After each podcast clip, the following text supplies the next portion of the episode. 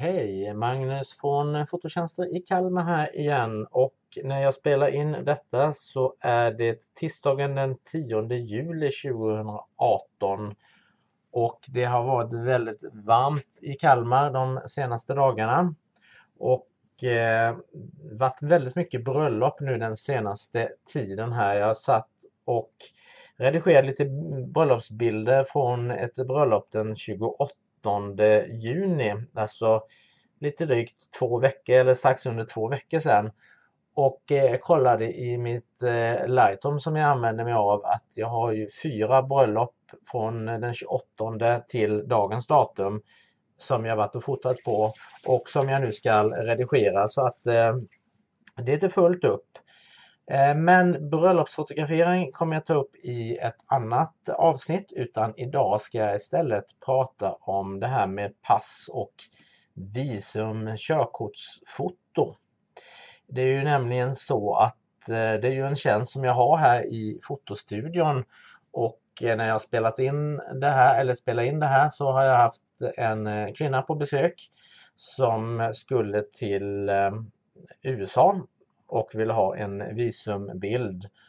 Och eh, hon hade googlat upp eh, en fotograf då, för hon var ifrån Lund och eh, sa eh, det till mig att ja det, det var ju du som kom upp när jag tittade på nätet eh, och sökte på det här med körkort och, och visum eh, som sökord och det stämmer ju faktiskt rätt så bra. Det är ju inte så många här i Kalmar som håller på med den här eh, tjänsten. Engmans foto, eh, fotoaffären här på Norra vägen i Kalmar har ju sysslat med det här tidigare. Men tyvärr, eh, så får jag väl säga, så har ju de lagt ner sin verksamhet helt och hållet. Så att eh, Kalmars sista riktiga fotoaffär, Engmans foto, då, har ju lagt ner sin verksamhet nu i sommar och det innebär ju att eh, nu är det ju ett ställe mindre som tog eh, körkortsbilder som eh, finns kvar.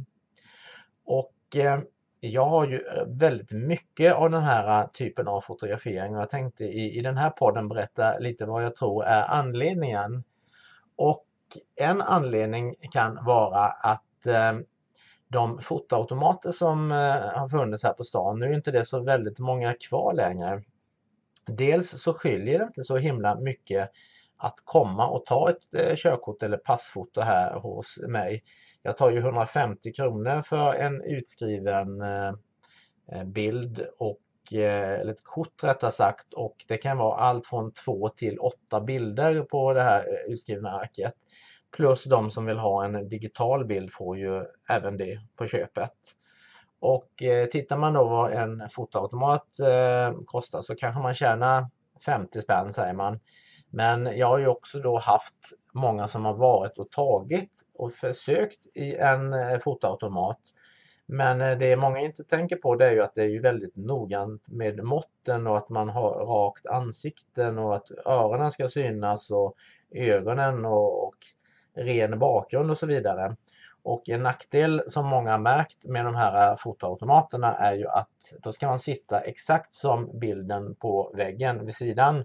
Men sitter man lite för långt fram eller lite för långt bak eller har huvudet lite snett ja då blir ju inte bilden godkänd och eh, då får man ta om den och då blir det genast dyrare än att komma hit till mig och ta bilden från början.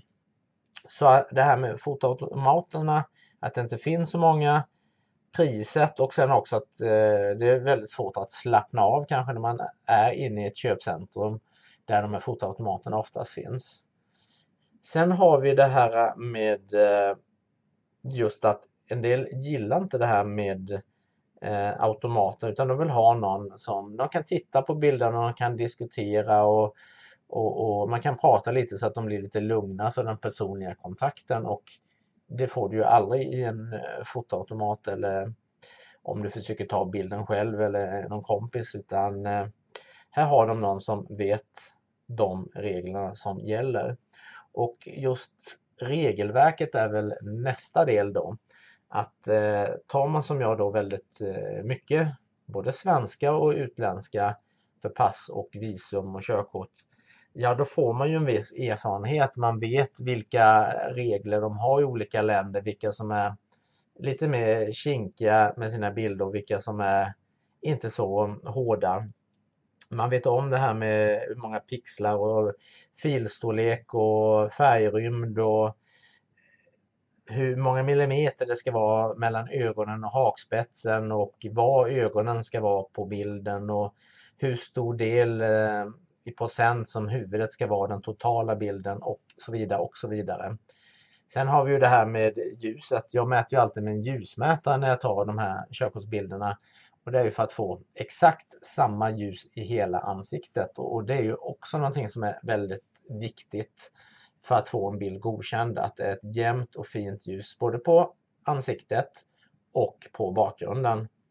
Och där har vi nästa sak då att en del försöker ta bilderna själv med, eller med en kompis hjälp givetvis, eh, med hjälp av sin mobiltelefon eller sin egen kamera. Men man missar oftast på det här med ljuset.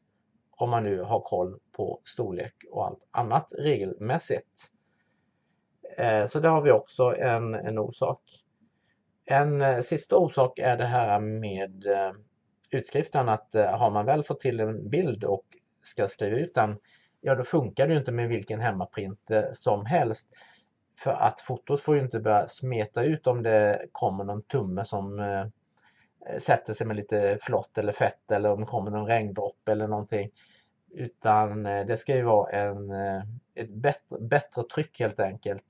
Och det är ju därför jag har en särskild printer som skriver ut, inte med bläck utan med en annan termisk eh, teknik istället som lackförseglar utskriften, det sista den gör, så att du kan hälla vatten på den under vattenkranen eller du kan eh, böja den eller repa den, den eh, behåller sin form. Det som jag inte kan erbjuda, som en del eh, några få har, har sagt, det är ju att jag har ingen sån tång att klippa ut bilderna. Utan bilderna man får har en tydlig punkt i varje hörn så att man själv kan klippa med saxen för att få en rak linje. Så det är egentligen inget större problem. Och det är svårt det här med eh, tänger för att den europeiska standarden eller den som gäller de flesta EU-länder det är ju 35 x 45 mm. Men eh, det här USA-visumet som jag tog innan det var exempelvis 50 gånger 50 eh, som är fyrkantigt eller fyrkantigt format.